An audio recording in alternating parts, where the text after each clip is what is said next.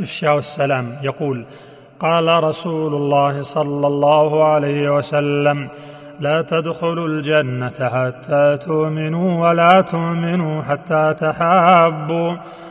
أولا أدلكم على شيء إذا فعلتموه تحاببتم. أفشوا السلام بينكم. ويقول ثلاث من جمعهن فقد جمع الإيمان.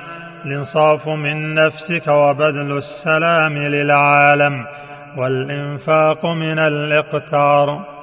ويقول وعن عبد الله بن عامر رضي الله عنهما أن رجلا سأل النبي صلى الله عليه وسلم أي الإسلام خير؟ قال تطعم الطعام وتقرأ السلام على من عرفت ومن لم تعرف.